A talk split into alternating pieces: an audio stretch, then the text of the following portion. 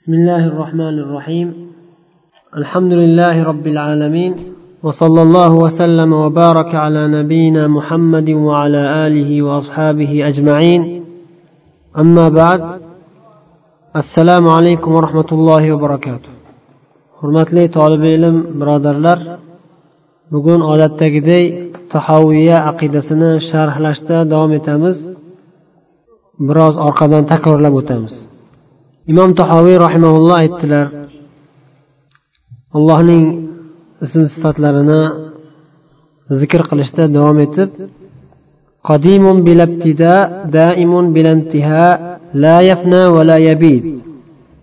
Qadimun bilabtida degani ma'lum bir davrda boshlangan emas azaldan ibtidosiz azal azaldan mavjud bo'lgan qadim avval bo'lgan zot. Alloh taolo azaldan mavjud bo'lgan zot. Bilabtida ma'lum bir davrda boshlangan emas. Daimun bilantiha intihosiz doim degani ya'ni abadul abad davom etadigan zot. Hech qachon foniy bo'lmaydigan.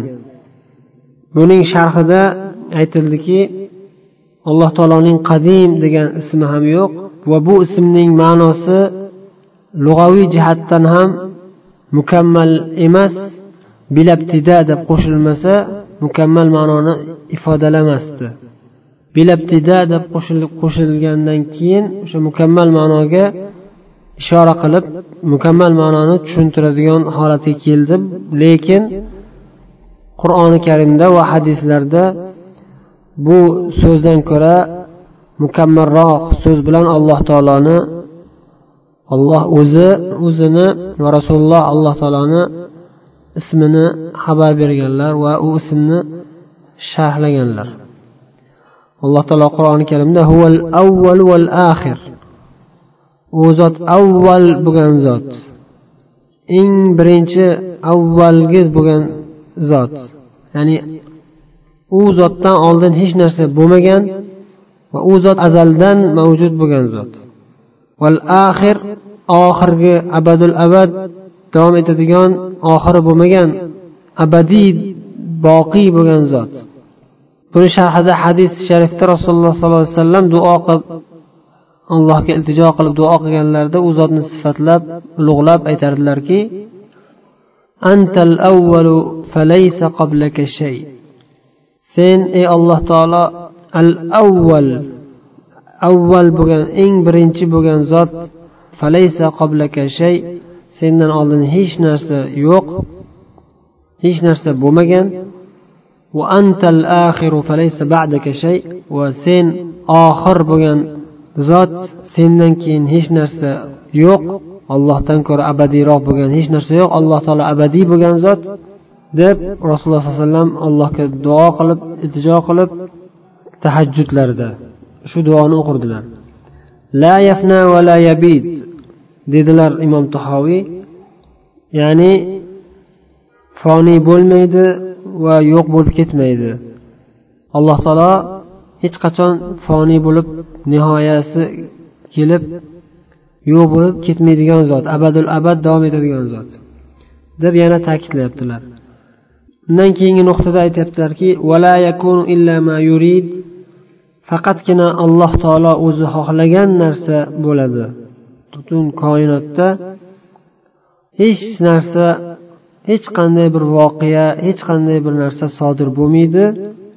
Magaram ma yurid olloh xohlagan narsa alloh xohlaydigan narsagina sodir bo'ladi dedilar. Va buning dalil isbotlari qur'oni hadisda juda ko'p. Buni qazoi qadar deb iymon rukunlaridan biri deb iymon keltirishimiz kerak. Bo'lgan eng asosiy aqida nuqtalaridan iymon rukunlaridan biri alloh taoloning qazoi qadariga iymon keltirish. Alloh taolo qur'oni karimda ko'p oyatlarda aytgan butun koinotni o'zi boshqarib va o'zining xohishi bilan boshqarib turadigan zot ekanligini xabar bergan. Jumladan buruj surasida ham alloh taolo aytadiki faalun lima yurid faalun lima yurid dedi. Alloh taolo o'zi xohlagan narsasini bajaruvchi bo'lgan zot. Butun koinotni butun mavjudotni parvardigori bo'lgandan keyin barcha yaratilgan narsalarni yo'qdan bor qilgan zot bo'lgandan keyin o'zi xohlaganday boshqaradi. Xohlagan narsasini yaratadi xohlagan narsasini o'ldiradi xohlagan narsasini xohlaganday tartibga soladi. Qaysiki bir narsani paydo bo'lishini olloh xohlasa albatta o'sha narsa paydo bo'lishi kerak. Olloh xohlaganday va olloh xohlagan vaqtida. Alloh subhanava taolo aytdiki qawluna li shay'in idza aradnahu an naqula lahu kun fayakun. Agar biz biron bir narsani iroda qilsak deyapti alloh taolo. Biz aytadigan gapimiz kun. Paydo bo'lgin deymiz. Shu deyishimiz bilanoq fayakun bas yakun paydo bo'ladi. Arab tilida fa kalimasi taqib deyiladi.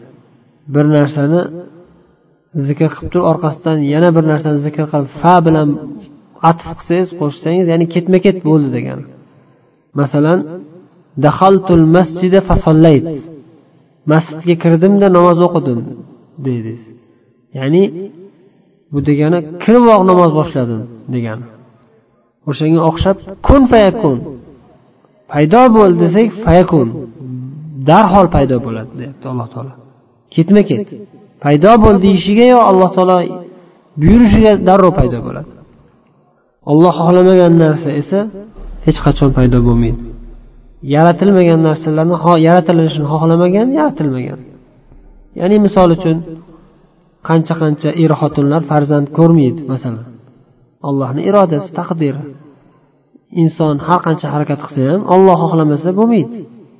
Bu bir kichkina misol.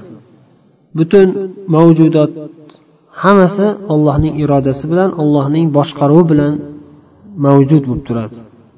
Agar olloh xohlamasa bu narsalar bir lahzada yo'q bo'lib ketadi. Agar shuni yo'q bo'lib ketishni xohlasa alloh taolo bir lahzada yo'q qilib yuboradi. Osmonu falakdagi son sanoqsiz yulduzlaru oyu quyosh va hokazo hammasi allohni irodasi bilan. Insonlar bajaradigan ishlar ham gapiradigan gaplari ham hammasi allohni irodasi bilan. Siz ey bir ojiz inson shu gapirayotgan gaplaringizni gapirish uchun lablaringizni tillaringizni qimirlatishingiz kerak. Agar shuni olloh xohlamasa qimirlata olmaysiz. Ko'zingizni ochib yumib ko'rmoqchi bo'lgan narsangizni yaxshiroq ko'rish uchun ko'zingizni kattaroq ochib ko'rishingiz mumkin. Agar shuni olloh xohlasa alloh xohlamasa ko'ra olmaysiz ko'zingizni ocha olmaysiz. Demak bu gap hammasi taqdirga iymon keltirishga binoan bo'ladi. Taqdirga iymon keltirmagan odamlar esa kofir bo'ladi. Shuning uchun qadariya toifasi chiqqanda salaf solihlar ularni islomdan chiqib ketgan toifa deb aytishgan. Ular musulmon emas. Al qadariya al g'ula chuqur ketgan qadariyalar toifasi kofirga chiqarilgan. Yetmish uch yetmish ikki firqadan hisoblanmagan. Vaholanki ular o'zini musulmonmiz deb davo qilsa ham voqeda ular musulmon emas. Chunki birinchidan qur'on hadisni yolg'onchiga chiqargan bo'ladi. Ikkinchidan ollohni ojiz alloh taoloni ojiz deb sifatlagan bo'ladi demak bu qadar masalasiga bir qisqacha ishora va bu masalani keyin keyin kitob matnni davomida yana qayta takrorlab takrorlab o'tadilar imom tahoviy hozir yana alloh taoloni sifatlarini zikr qilishda davom etib aytyaptilarki لا تبلغه الأوهام ولا تدركه الأفهام لا تبلغه الأوهام ولا تدركه الأفهام alloh taoloning kayfiyatini tasavvur qilish uchun hech qaysi bir xayolotlar yetolmaydi har qancha xayolparast inson bo'lsa ham butun xayolparastlar hammasi jamlanib birgalikda harakat qilsa ham alloh taoloning haqiqatiga mohiyatiga yetisholmaydi tasavvur qilisholmaydi hech qachon. Bu xayolot haqida gapiradigan bo'lsak. Endi aqlu idrok haqida gapiradigan bo'lsak u ham shu.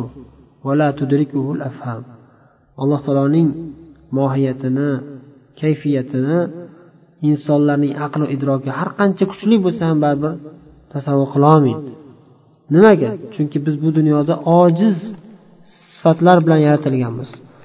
Ojizona bandamiz. O'tgan darslarimizda aytganimizdek insonni ko'zi ma'lum bir chegara bilan cheklangan bo'lganidek.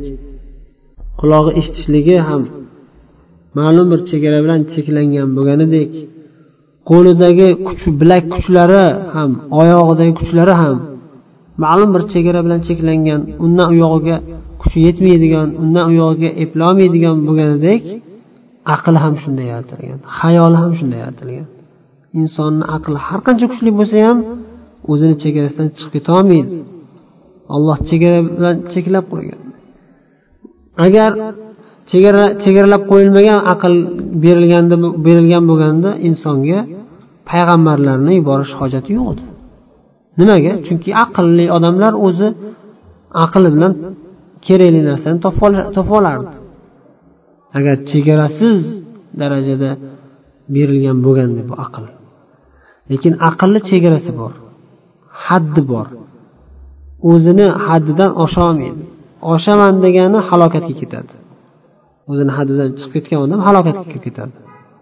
Xuddi quloq insonni qulog'i eshitishi ma'lum bir baland ovozdan uyog'ini ko'tarolmasdan o'ladigan bo'lganday ya'ni juda ham bir dahshat ovoz bilan ham inson o'lib ketadi. Qaysidir qavm adashmasam samudmidi payg'ambarlarga kofir bo'lgan qavmlardan bittasini alloh taolo ovoz bilan o'ldirgan.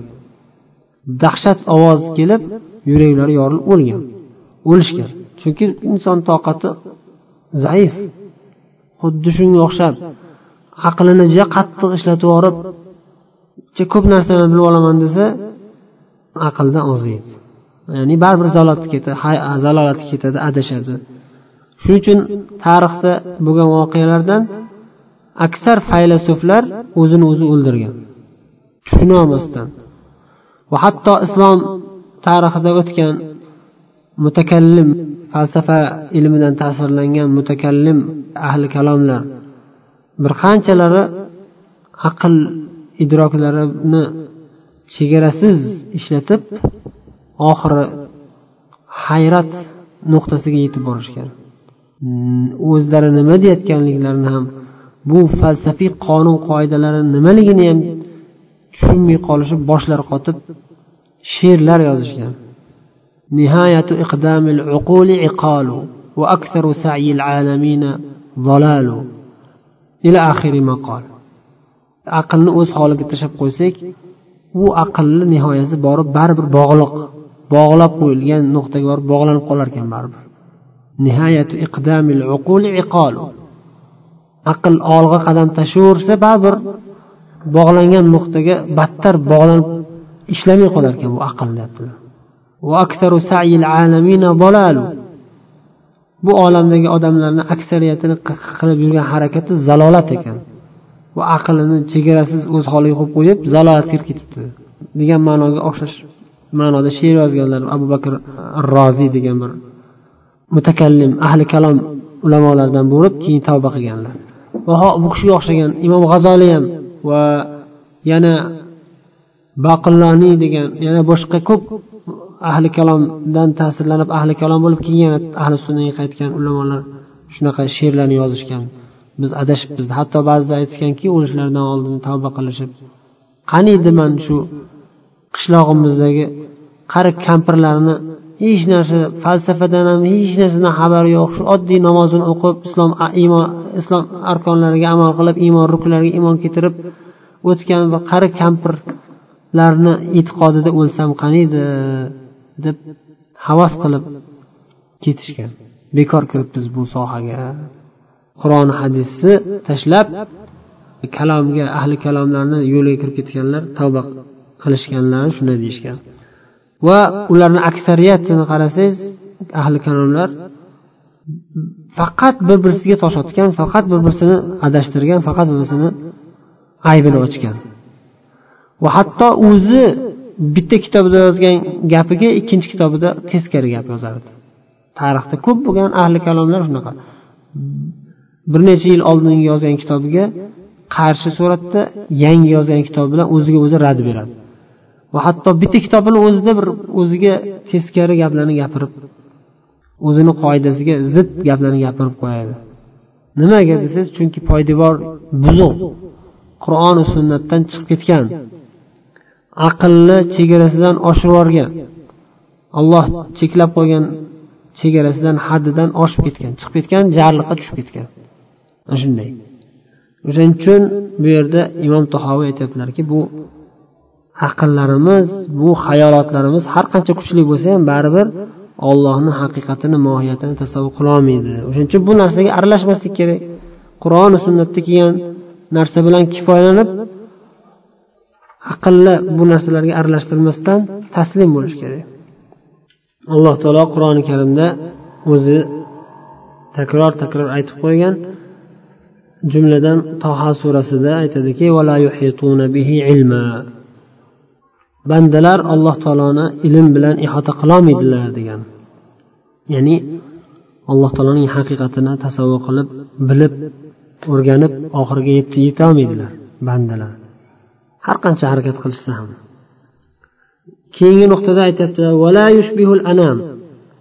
maxluqotlarga o'xshamaydi. Bu maxluqotlar ham alloh taologa o'xshamaydi. Alloh taolo qur'oni karimda aytganidek alloh taologa o'xshash hech narsa yo'q va u zot eshitib turuvchi ko'rib turuvchi zotdir nimaga bunaqa deyaptilar alloh taolo odamlarga o'xshamaydi va odamlar allohga o'xshamaydi chunki ba'zilar alloh taoloning qur'oni karimda hadisda kelgan sifatlarini xuddi shu sifatlar odamda ham borku deb hayratga tushgan masalan alloh taolo eshituvchi zot ko'ruvchi zot. Insonni ham eshitish sifati bor ko'rishlik sifati bor. Misol uchun o'shanga hayratga tushganda shunga rad berib aytiladiki alloh taolo odamlarga o'xshamaydi odamlar allohga o'xshamaydi. Ya'ni insonlardagi va maxluqotlardagi bu eshitishlik sifati va ko'rishlik sifati va hokazo boshqa sifatlari o'ziga xos bandani ojizona holatiga xos sifatlar. Alloh taoloning eshitishlik sifati esa va ko'rishlik va boshqa sifatlar esa allohni o'ziga xos. Hech qaysi bir bandani eshitishlik sifatiga o'xshamaydi. Imom abu hanifa aytganlaridek fiql akbarda yasmau la kasamina va yara la ru'yatina. Olloh eshitadi lekin bizni eshitishimizga o'xshagan eshitish emas eng mukammal eng ulug' sifatli eshitish. Hech qanday bir zarracha ham kamchiligi yo'q ojizligi yo'q bo'lgan eshitishlik. Bizni eshitishlarimiz juda ham ojizona eshitishlik. Avval bo'lmagan edi keyin xudo o'zi berdi va xohlagan payt olib qo'yadi va biz eshitadigan narsalar juda ham tor doira bilan cheklangan va hokazo ojizona eshitishlik. Alloh taoloniki o'ziga xos o'ziga loyiq hech qanday bir kamchiliksiz eshitishlik sifat va hokazo boshqa sifatlar ham.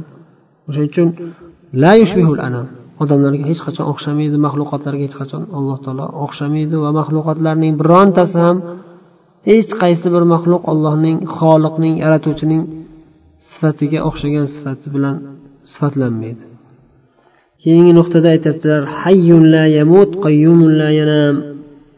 Alloh taolo tirik bo'lgan zot hech qachon o'lmaydi va qayyum bo'lgan o'z zoti bilan qoim va boshqalarni olloh o'zi tiklab qoim qilib turuvchi bo'lgan zot. La yanam aslo hech qachon uxlamaydi. Alloh taoloning eng buyuk ismlaridan ikkitasi al hay al qayyum bu al hayyul qayyum ismlari allohning eng buyuk ismlari deb aytilgan. Allohning eng buyuk ismi qur'oni karimda uchta surada zikr qilingan.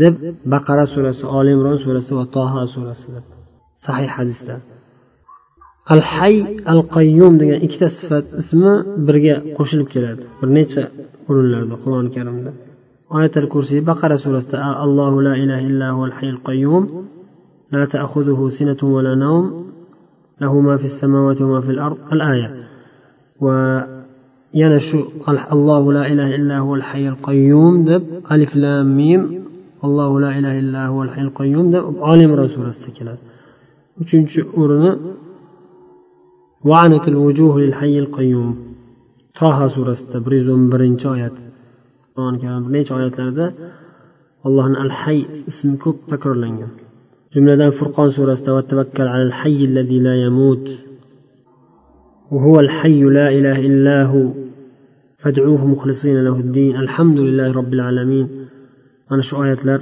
va boshqa oyatlarda kelgan. Demak alloh taoloning eng go'zal ismlaridan ikkitasi al hay qayyum al qayyum al hay degani eng mukammal hayot egasi bo'lgan zot. Azaldan bor bo'lgan va abadul abad davom etadigan hayot egasi bo'lgan zot. Hech qaysi bir maxluqning hayoti allohning hayotiga o'xshamaydi va allohning hayoti hech qaysi bir maxluqning hayotiga o'xshamaydi. Alloh taoloning hayoti eng mukammal eng buyuk hayot.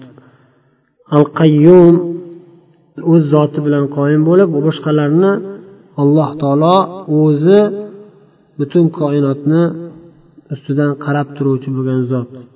Alloh taolo esa o'zi o'z zoti bilan qoyim bo'lgan o'zi hech qaysi bir koinotda hech qaysi bir narsaga hojati yo'q bo'lgan zot. Hech kimga hojati yo'q bo'lmagan zot.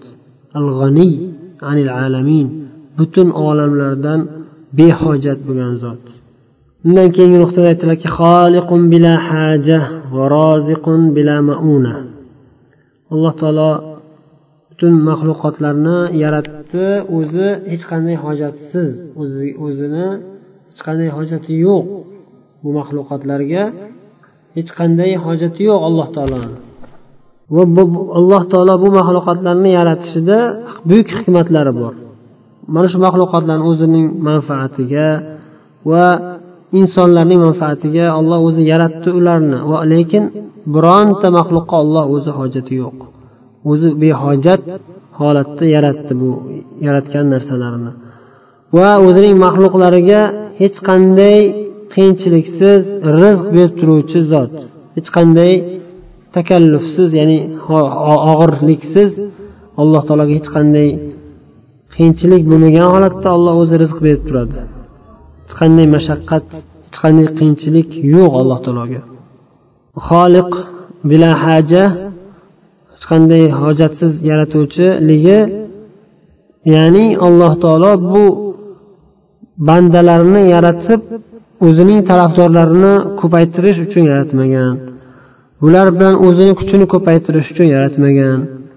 O'zini azizroq qilish uchun yaratmagan.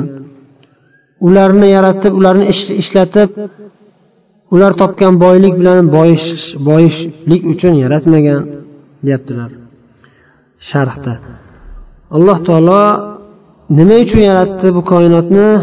Yerdagi narsalarni insonlarning manfaati uchun yaratdim degan bir oyatda ammo insonu jinlarni esa nima uchun yaratdi? Zariyat surasida aytganidek jinlaru insonlarni men faqatgina menga ibodat qilishlari uchungina yaratdim. Men ulardan hech qanday bir rizq talab qilmayman. Va ulardan meni ovqatlantirib qo'yishliklarini ham talab qilmayman. Shak shubhasiz olloh o'zi rizq berib turuvchi zot. Ko'pdan ko'p to'xtamasdan rizq berib turuvchi zot. Va kuch quvvat egasi sohibi bo'lgan zot. Demak alloh taolo o'zi rizq berib turadi o'zi ovqatlantiradi taomlantiradi. Hech kim ollohni taomlantirmaydi. Va alloh taolo hech qachon taomga hojati ham yo'q. يا أيها الناس أنتم الفقراء إلى الله والله هو الغني الحميد ey odamlar deydi alloh taolo sizlar alloh taologa faqiru muhtojsizlar olloh esa u zot behojat bo'lgan barcha hamdu maqtovlarga haqli bo'lgan zot hech qanday hojati yo'q agar olloh xohlasa sizlarni yo'q ketkazib yuboradi Sizlarni o'rningizga yangi maxluqotlarni yaratib olib kelaveradi agar olloh xohlasa va bu narsa ya'ni sizlarni yo'q qilib o'rninglarga boshqa maxluqlarni yaratishlik alloh taologa hech qanday qiyin emas alloh taologa og'ir emas deydi. Yana bir oyatda alloh taolo allohu xalaqakum. Olloh sizlarni yaratdi. So'ng sizlarga rizq berdi. So'ng sizlarni olloh o'ldiradi. So'ngra yana olloh o'zi tiriltiradi sizlarni. Sizlarni sheriklaringizdan birontasi mana shu ishlardan birontasini qila oladimi ollohdan boshqa kim yarata oladi biron bir narsani. Ollohdan boshqa alloh taologa hech qanday hojatsiz holatida o'zi kim rizq bera oladi kim o'ldirib tiriltira oladi hech kim. Faqatgina olloh o'zi bajaradi bu narsalarni. Yer yuzida hech qanday bir hayvon yoki hech qanday bir hasharot yo'qki magaram ana shularning ham rizqini olloh o'z zimmasiga olgan olloh o'zi rizq berib turadi. Alloh taolo hech kimdan qo'rqmasdan o'ldiradi. Xohlagan bandasini xohlagan vaqtida o'ldiradi. Hech qanday qo'rquvsiz va qayta tiriltirishda ham hech qanday qiyinchiliksiz mashaqqatsiz qayta tiriltiradi alloh taolo. Bu ham demak alloh taoloning sifatlaridan. Xohlagan odamini o'ldiradi hech kimdan qo'rqmaydi hamma ollohdan qo'rqadi. Qo'rqmayman deganlar ham baribir alloh taoloni qo'lida. Olloh xohlasa xohlagan vaqt ularni halok qiladi. va qayta tiriltirishda ham alloh taolo hech qanday qiyinchilikka uchramaydi balki umuman qiyinchilik degan narsa yo'q alloh taologa وهو الذي يبدأ الخلق ثم يعيده وهو أهون عليه va u zot ya'ni alloh taolo o'zi yarat maxluqotlarni boshida boshlab o'zi yaratgan zot yaratuvchi zot va ularni qaytadan o'ldirib qaytadan tiriltiruvchi ham o'zi alloh taolo o'zi qaytadan tiriltiradi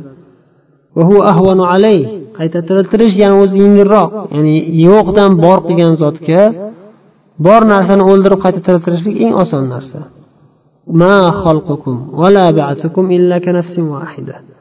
Sizlarni yaratish ham va sizlarni qayta tiriltirish ham xuddi bitta jon zotni bitta jonivorni qayta tiriltirib yaratib qayta tiriltirishga o'xshaydi deydi alloh taolo. Ya'ni milliard milliard narsalar milliard milliard maxluqotlarni yaratishlik bir lahzada qilib qo'yadi alloh taolo xohlasa. Xuddi bitta insonni yaratib qo'yganday va ularni yo'q qilaman desa bir lahzada o'ldirib yuboradi. Qayta tiriltiraman desa xohlasa alloh taolo bir lahzada tiriltirib qo'yadi. Hamma narsaga qodir zot alloh taolo. Keyingi nuqtada aytyaptilar